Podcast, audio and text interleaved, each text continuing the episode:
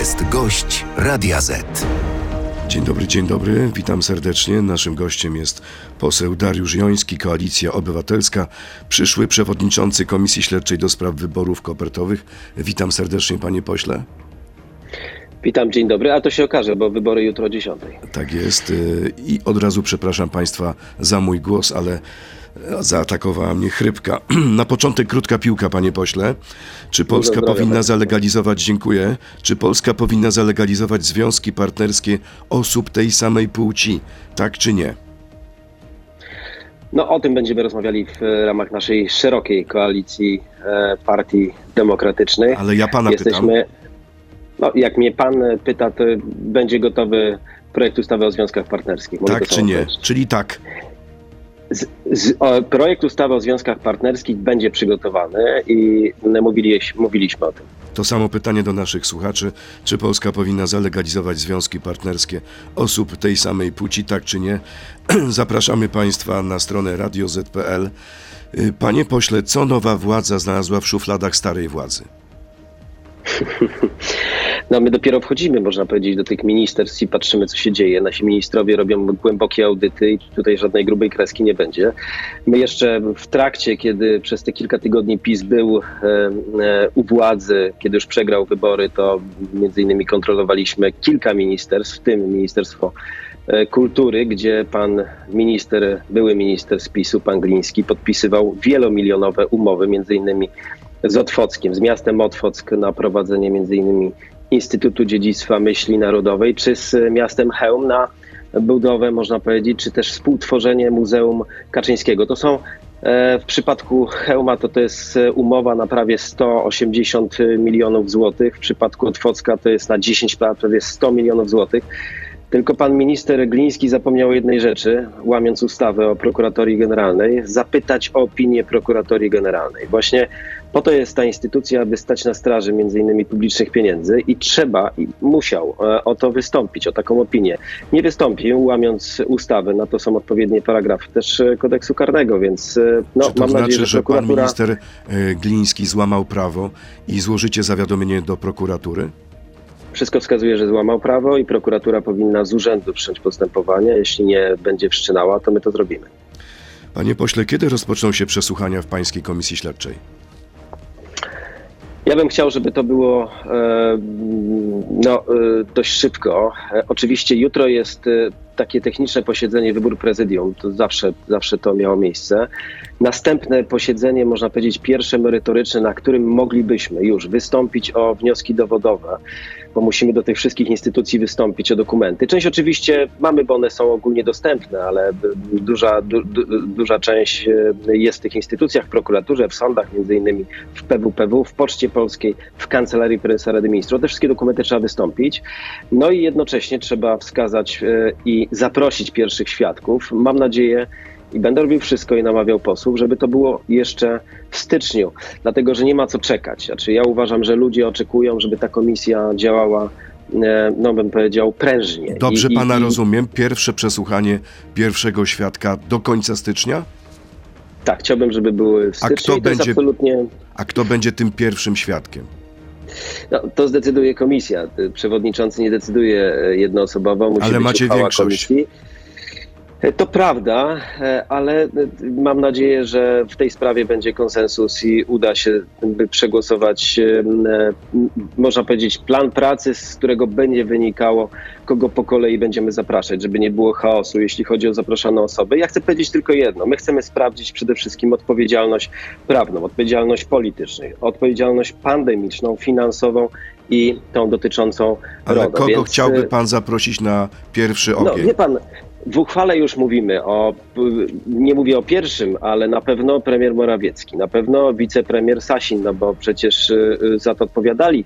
Ale przypomnę, że również y, jeśli mówimy o tej komisji śledczej, to Jarosław Kaczyński przecież mówił w wywiadzie, że to on osobiście podjął tą decyzję, więc trudno, żebyśmy nie zaprosili również na komisję śledczą w, formie, w formule świadka również Jarosława Kaczyńskiego. Będzie zaproszony. A co będzie z ewentualnym, jeśli takie będzie, przesłuchaniem pana ministra Ziobry?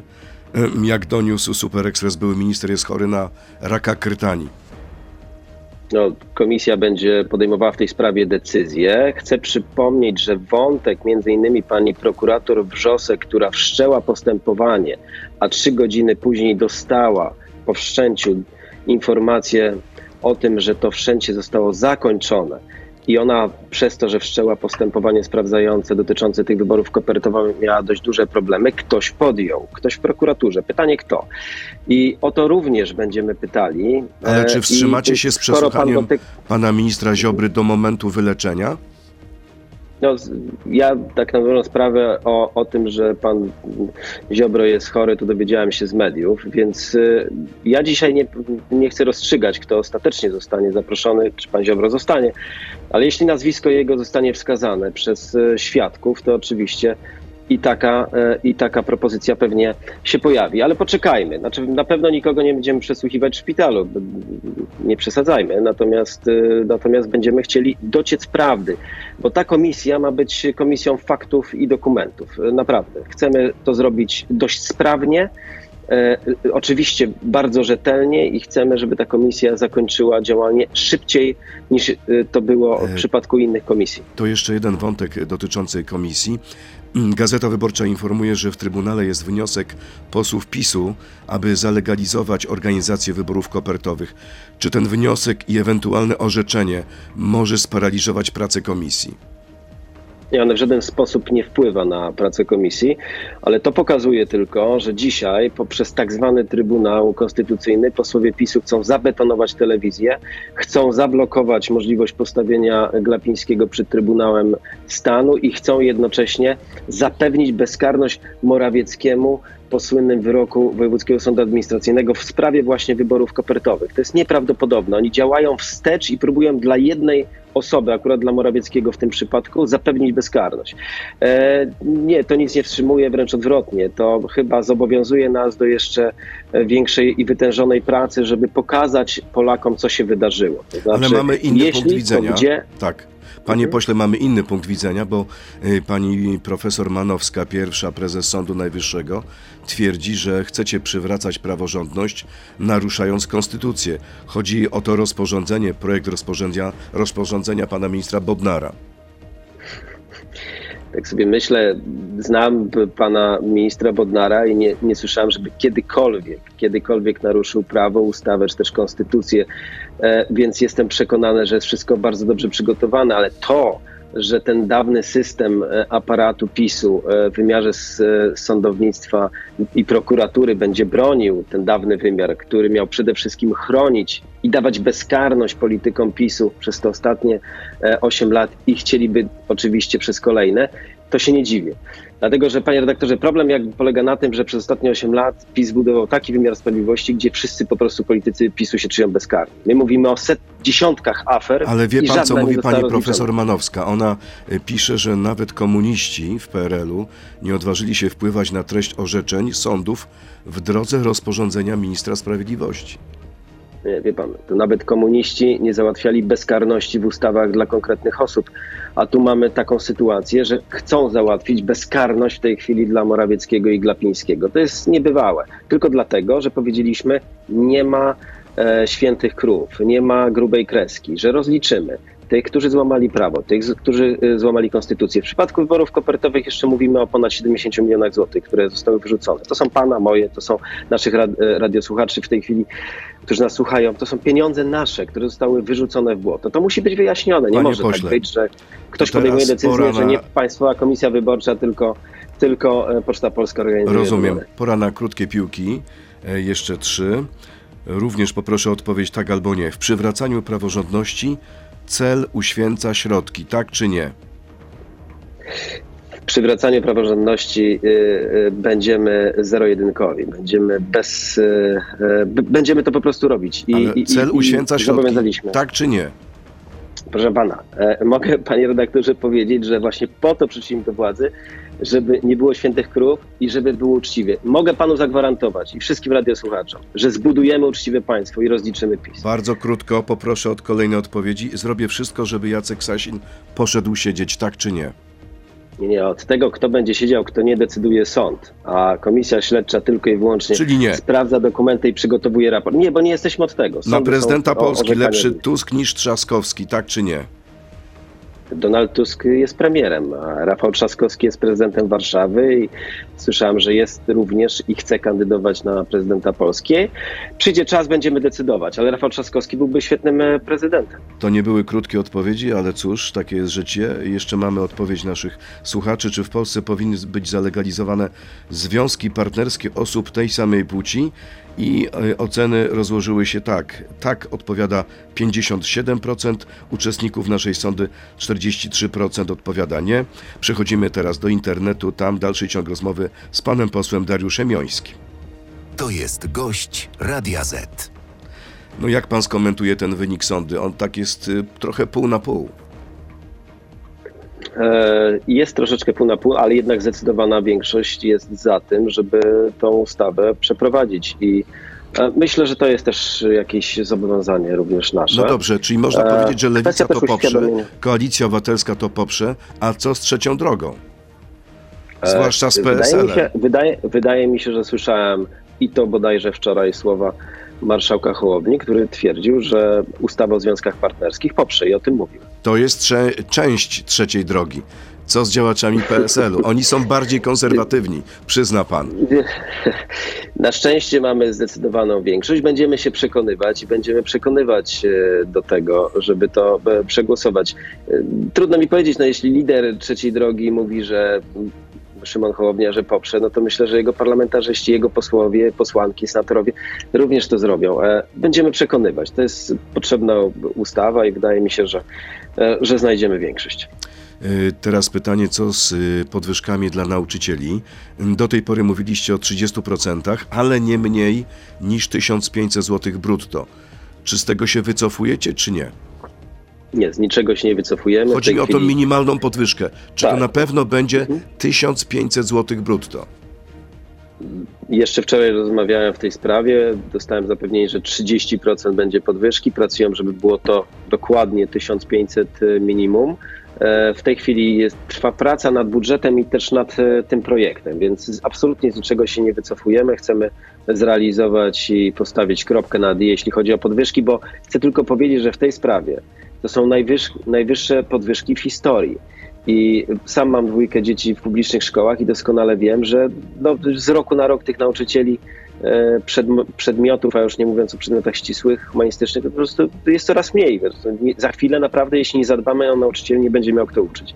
Więc to jest ostatni chyba już moment na to, żeby zadbać o polską Bo edukację, wie pan, co mówią dać politycy. PiSu?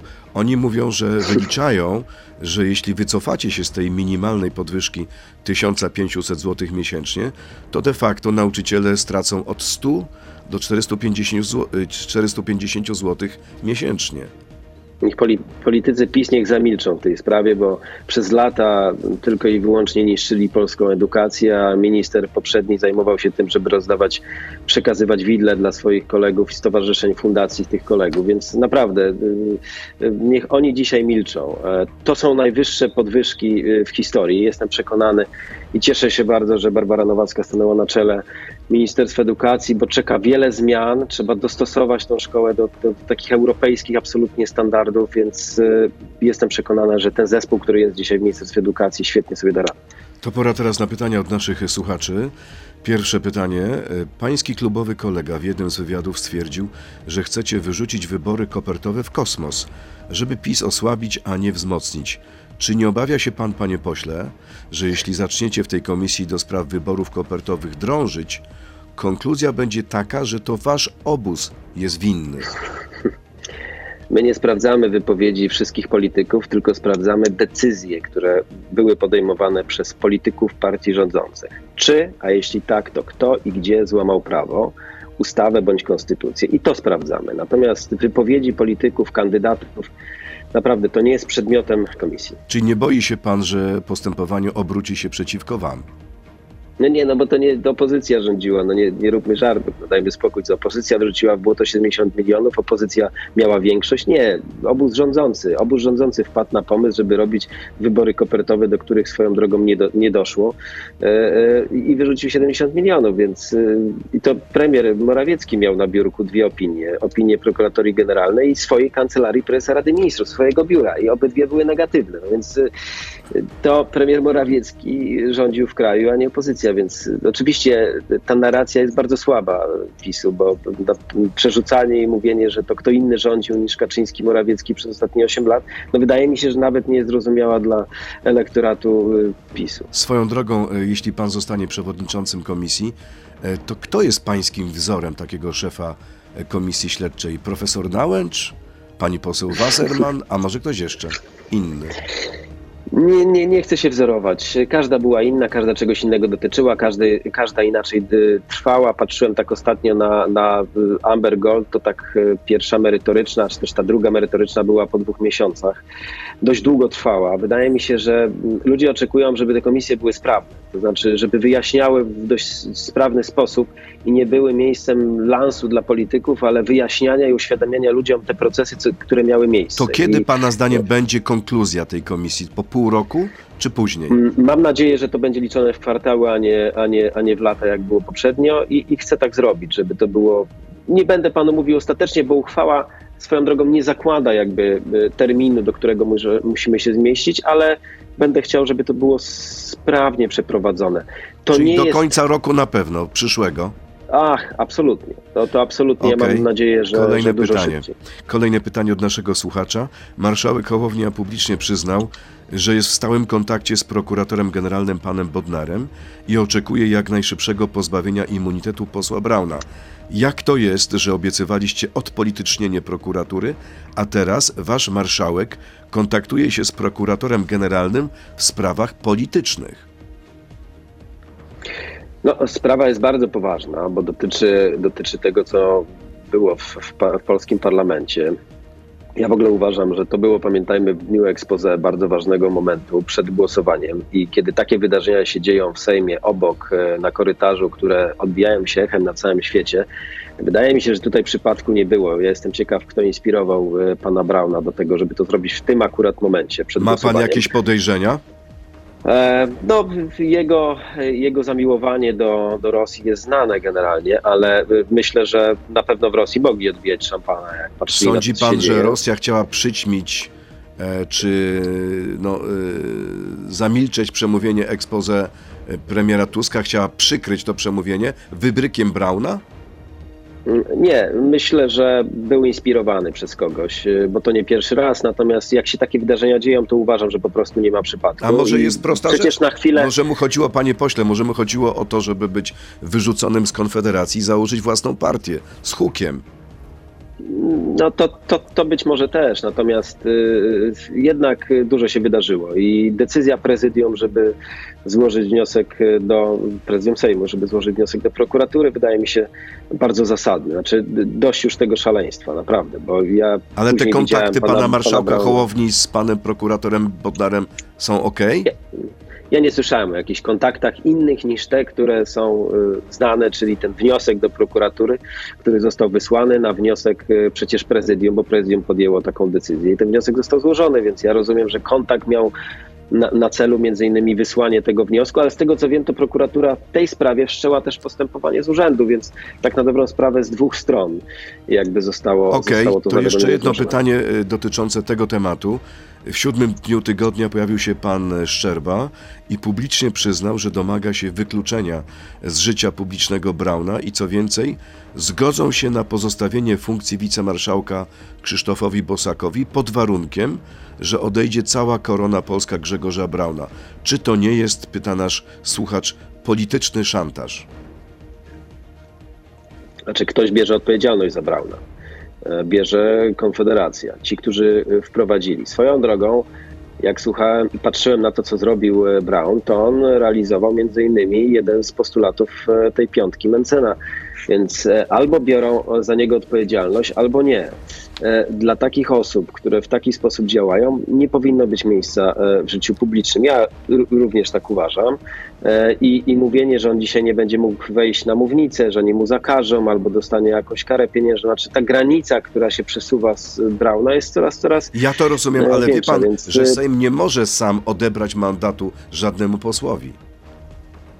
Nie, nie, no to oczywiście musi wnioskować prokuratura, a sąd będzie decydował. Jasne, że tak. E, nie będziemy wchodzić e, w buty oczywiście e, sądu, ale patrząc na to, co się wydarzyło, to wydaje mi się, że jest wysoce prawdopodobne, że Brown będzie, po pierwsze na pewno będzie miał odebrany immunitet, bo tutaj myślę, że nikomu nikt nie zmieni zdania, z drugiej strony sąd ma wiele argumentów, żeby faktycznie osądzić Brauna, żeby nigdy więcej takich rzeczy nie robił. Wie pan, no, ja mogę, ja, ja, patrzyłem na Brauna po tym wydarzeniu, bo on przyszedł na posiedzenie Sejmu i widziałem to szaleństwo w oczach, no po prostu i to wszystko, co się jeszcze później działo na mównicy, bo on jeszcze przecież później dostał głos przez, udzielony przez przecież e, wicemarszałka Bosaka i on dalej uzasadniał i dalej, dalej mówił rzeczy, których nawet nie chcę tutaj powtarzać, więc e, no, jeśli, jeśli walczyliśmy o to, żeby odbudować zaufanie do polskiego parlamentu, do rządu, do polityki i do polityków, no to nie może być też miejsca dla ludzi, którzy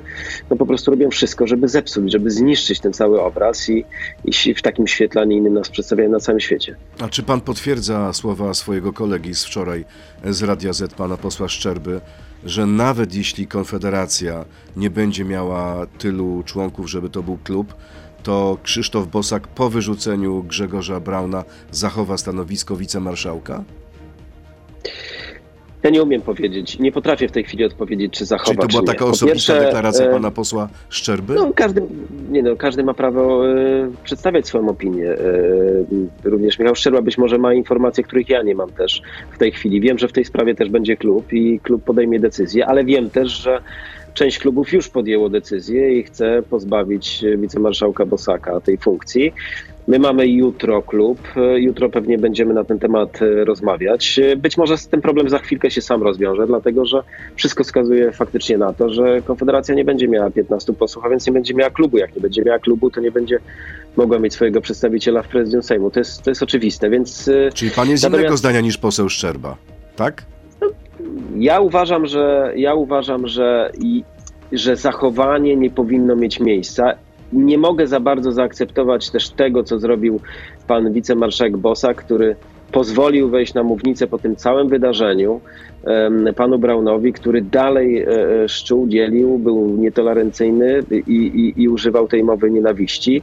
Nie powinno być tego miejsca, a jeszcze na sam koniec pan Bosak mu podał rękę. E, więc dla mnie jest to. Z tego co słyszałem, to pan Bosak nie wiedział podobno o tym, co tak naprawdę tam się stało. Ale zostawmy to już. Kolejne pytanie, panie pośle, do pana. Jak to jest, że określane jako prorosyjskie i niedemokratyczne Węgry dostaną z KPO 13 miliardów euro? A rzekomo praworządny, demokratyczny i proeuropejski rząd Tuska dostanie zaledwie 5 miliardów. Ale 5 miliardów to w tej chwili, to po pierwsze, tam z tego co wiem, również do końca roku również będzie wniosek o kolejszą, kolejną transzę. E, nie chcę się wypowiadać na temat Węgier, bo e, nie znam do końca tej sytuacji. Uważam, że w ogóle trzeba by było się zastanowić, co dalej, dlatego że Węgry bardzo blisko zbliżyły się do, do Rosji, do, do Putina, robią świetne interesy e, z Putinem i ja patrzę na Polskę i jestem zainteresowany tym, żeby odbudować wymiar sprawiedliwości, żeby, żeby nasze państwo było praworządne i żebyśmy faktycznie mieli silną pozycję i już idzie w dobrym kierunku okay. w Europie i Kolejne te pieniądze pytanie. zostały odblokowane, więc kolejne pieniądze i transze w najbliższym czasie, więc to jest ten pierwszy pier, Kolejne pierwszy, pytanie, pierwszy panie pośle, naszego słuchacza. Dlaczego nie wyciągacie konsekwencji wobec posłów koalicji, którzy przeszkadzali służbom granicznym w obronie granic państwa, którzy wprowadzali chaos w pracy strażników granicznych i zachęcali nielegalnych uchodźców do przekraczania granic Polski w niedozwolonym miejscu? Ale kto łamał prawo i w którym miejscu, jakby ktoś mógł rozwinąć? A to nie chodziło, ja nie wiem, ale być może chodziło o tą szarżę pana posła Starczewskiego. Z nie, tą nie słynną torbą Ikei. nie słyszałem, żeby ktoś e, namawiał do tego, żeby łamać, e, łamać przepisy. Mogę panu powiedzieć i łamać prawo. Mogę panu powiedzieć, że z panem posłem Szczerbą byliśmy również na granicy i rozmawialiśmy ze strażnikami granicznymi. Przekazaliśmy, jak się dowiedzieliśmy, że są tam kobiety i dzieci, bo w pierwszej tej fazie były tylko kobiety i dzieci, a to przyjechaliśmy tam na miejsce i przekazaliśmy E, takie najbardziej potrzebne rzeczy. I, I, to przekazaliśmy strażnikom. Nikt nie namawiał do tego, żeby ktoś łamał przepisy, żeby ktoś przechodził. Nikt nie miał też z tymi ludźmi kontaktu i przekazaliśmy to strażom, Straży Granicznej. Usłyszeliśmy, że to przekażą tym, e, tym ludziom i tyle. Czyli nie przeszkadzaliście Więc, e, służbie y, Straży Granicznej? Nie, absolutnie. Rozmawialiśmy z nimi. I wie pan, ja też mam dwójkę dzieci i też jestem nauczony jakby takiej ludzkiej ludzkich odruchów, też również pomocy. I kiedy zobaczyłem, te dzieci miały tam 3-4 lata, temperatura w nocy zbliżała się do zera, były kobiety, nie było jeszcze wtedy żadnych mężczyzn. Myślę, że każdy by w taki sposób, gdyby był akurat tam, a przebywaliśmy w Białymstoku, mieliśmy też spotkanie później w Łomży, po prostu by się tak zachował i przekazaliśmy, pojechaliśmy do sklepu za własne środki, kupiliśmy takie potrzebne rzeczy dla tych dzieci, zawieźliśmy, ale przekazaliśmy strażnikom i długo z nimi rozmawialiśmy, więc y, tutaj nie ma mowy. Ja nie wiem, kto akurat, jeśli ktoś taki jest, to proszę powiedzieć. Kolejne pytanie. Proszę wymienić trzy sukcesy grupy Orlen lub Poczty Polskiej, gdy tymi firmami zarządzali wasi nominaci od 2007 do 2015 roku. Proszę o konkrety, a nie lanie wody, że było super. Łącznie trzy konkretne projekty czy produkty. Jeśli chodzi o Pocztę Polską, no to przecież e, nigdy nie było tak, że Poczta Polska e, e, nie mogła się zbilansować i brako, brakowało jej pieniędzy, a tu, tu, tu za czasów PiSu, przez to, że organizowała wybory, w którymś momencie zabrakło pieniędzy. Doskonale wiemy, że, że, że był problem z przekazaniem tych środków za zorganizowanie czegoś, czego nie było. No, każdy widzi, jak poczta e, działała kiedyś, a jak dzisiaj działa i jak konkurencja wyprzedziła Pocztę Polską. Nie muszę mówić, każdy, kto korzysta z paczkomatu, widzi, co się dzieje i jak źle zarządzana poczta została gdzieś w tyle. Jeśli chodzi o Orlen, no to nie, nie zdarzyło się, żeby człowiek, który stanął na czele, który nawet nie ma dostępu do informacji niejawnych, tajnych, stanął właśnie na czele. Polityk, który tak na dobrą sprawę zielonego pojęcia o tym nie ma i sterował, sztucznie sterował Mówi cenami pan o prezesie Obajtku? No absolutnie tak. A jak pan porówna zyski e, Orlenu za czasów e, pana prezesa Krawca, pana Obajtka, no to te za prezesa Obajtka są dużo, dużo wyższe. Czy to jest argument za tym, żeby go pozostawić na funkcji prezesa, czy on zostanie odwołany, jak tylko się nadarzy taka okazja? Za pana Obajtka były najdroższe ceny paliw w historii w Polsce, więc oczywiście pan Obajtek mógłby zrobić cenę po 10 zł i się pochwalić jeszcze większym zyskiem, ale to nie chodzi o zysk Orlenu, tylko o zysk ludzi, którzy nie zapłacą wyższych cen za paliwo i zostaną te pieniądze w kieszeni kierujących pojazdami, więc o to idzie Co z odwołaniem pana ceny... prezesa? Nie, no po pierwsze to ja pytam pana Obajtka, bo miał złożyć rezygnację natychmiast po tym, kiedy e, PiS przegra wybory. On tego nie robi. Mówił o swoim honorze, no jaki ma honor każdy widzi, natomiast zostanie odwołany, bo musi być odwołany. Oczywiście on próbuje się też zabetonować jak ci w telewizji e, i jak prezes Narodowego Banku Polskiego, ale to jest kwestia czasu raczej szybciej niż dłużej, więc e, ja powiem tak, on zostanie odwołany i nie tylko odwołany, ale będzie bardzo głęboki bilans ze szczególnym uwzględnieniem wydatków na marketing nie tylko przez spółkę Arlen, ale również przez te fundacje, które są arlenowskie. A propos tego, co pan powiedział, panie pośle, czy dzisiaj lub jutro dojdzie do podjęcia decyzji w sprawie telewizji polskiej? Rzeczpospolita napisała, że kwestia likwidacja TVP, likwidacji TVP bądź odwołania zarządów to jest kwestia poniedziałku, wtorku. Czy pan to potwierdza? Jak znam ministra Sienkiewicza, to w sprawie telewizji działa szybko i zdecydowanie, a ludziom obiecaliśmy, że telewizja publiczna będzie faktycznie odpolityczniona. I życzę wszystkim dzisiaj, którzy nas słuchają, żebyśmy na święta przy wigilijnym stole już nie musieli czytać tych pasków e, w telewizji publicznej, które dzielą i szczują Mam nadzieję, że ten czas już dobiegnie końca. Kolejne pytanie naszego słuchacza. Czy uważa pan, że w obliczu zbrodni, jakich dokonuje Izrael na ludności cywilnej w Gazie, powinni być w ten sam sposób Izraelczycy izolowani co Rosja? Czyli żadnych flag, obrzędów i marginalizowanie firm izraelskich? Izrael został e, zaatakowany, e, musiał się bronić. Ja mam nadzieję, że uda się wypracować e, pokój. Słyszę i dochodzą sygnały od wczoraj, że między innymi z Egiptu, że jest szansa na to, że ten pokój zostanie osiągnięty. Nie ma większej wartości niż osiągnięcie pokoju. Życzę naprawdę tego, bo bo ta sytuacja się coraz bardziej rozlewa i to nie tylko e, na tamte tereny, ale przecież e, całe, wszystkie kraje arabskie są w to w jakiś sposób też zaangażowane. Życzę, żeby ten pokój został osiągnięty. Jest, e, słyszę na to szansa, trzymam kciuki. Jeszcze jedno pytanie od naszego słuchacza. Jakie poglądy ma obecnie Donald Tusk? Miał sesję zdjęciową kiedyś z ołtarzykiem i krzyżem, miał koalicję z Prawem i Sprawiedliwością, a teraz część władzy oddał skrajnej lewicy.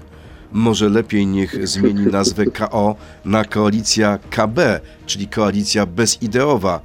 Pyta, pisze nasz słuchacz. Jak pan na to odpowie?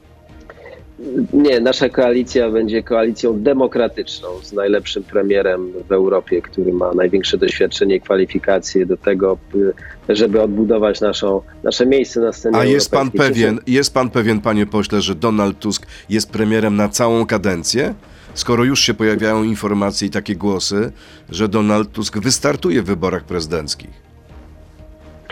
Nie słyszałem tego z ust y, premiera Donalda Tuska. Dzisiaj Polska potrzebuje bardzo. Może jest tajemniczy i nie, nie mówi nie, tego myślę, na lewo i prawo, ale w środku myśli nie, o tym. Pan by, pan by nie brał tego pod uwagę? Donald, my potrzebujemy bardzo silnego premiera. W naszym systemie potrzeba bardzo silnej osoby z, z, ogromnym doświadczeniem, żeby odbudować naprawdę to wszystko, co dzisiaj w ruinach, tą Polskę, którą ukradł PiS. Więc Donald Tusk jak nikt inny podjął się tego i myślę, że dzisiaj jego myśli tylko skupione są na tym, żebyśmy naprawdę naprawili Polskę, odbudowali, zbudowali uczciwe, uczciwe państwo, odbudowali to, to pozycję Polski na, na świecie i, i, w Europie, więc myślę, że tylko... A taki wariant, panie pośle, taki wariant, Tusk prezydentem, Kośniak-Kamysz premierem, nie wchodzi? znaczy, nie no, science fiction jest zawsze dobre, w polityce wszystko możliwe, natomiast wiem jedno, Donald Tusk jest premierem, będzie tym premierem i cieszę się, że... E, bo potrzeba było też polityka, e, który będzie miał takie ogromne doświadczenie. Jeśli wykorzysta swoje całe życiowe doświadczenie, e, to polityczne, zawodowe, to będziemy mieli najlepszego premiera w historii. bardzo, bardzo dziękuję panie pośle, serdecznie Dzięki. dziękuję za rozmowę. Dariusz Joński, Koalicja Obywatelska, przyszły szef Sejmowej Komisji Śledczej do spraw zbadania wyborów kopertowych. Bardzo dziękuję panie pośle i miłego dnia. Dziękuję bardzo. Dziękuję. Również dziękuję bardzo. Do widzenia. To był gość Radia Z. Słuchaj nas w Radio Z i na player radioz.pl.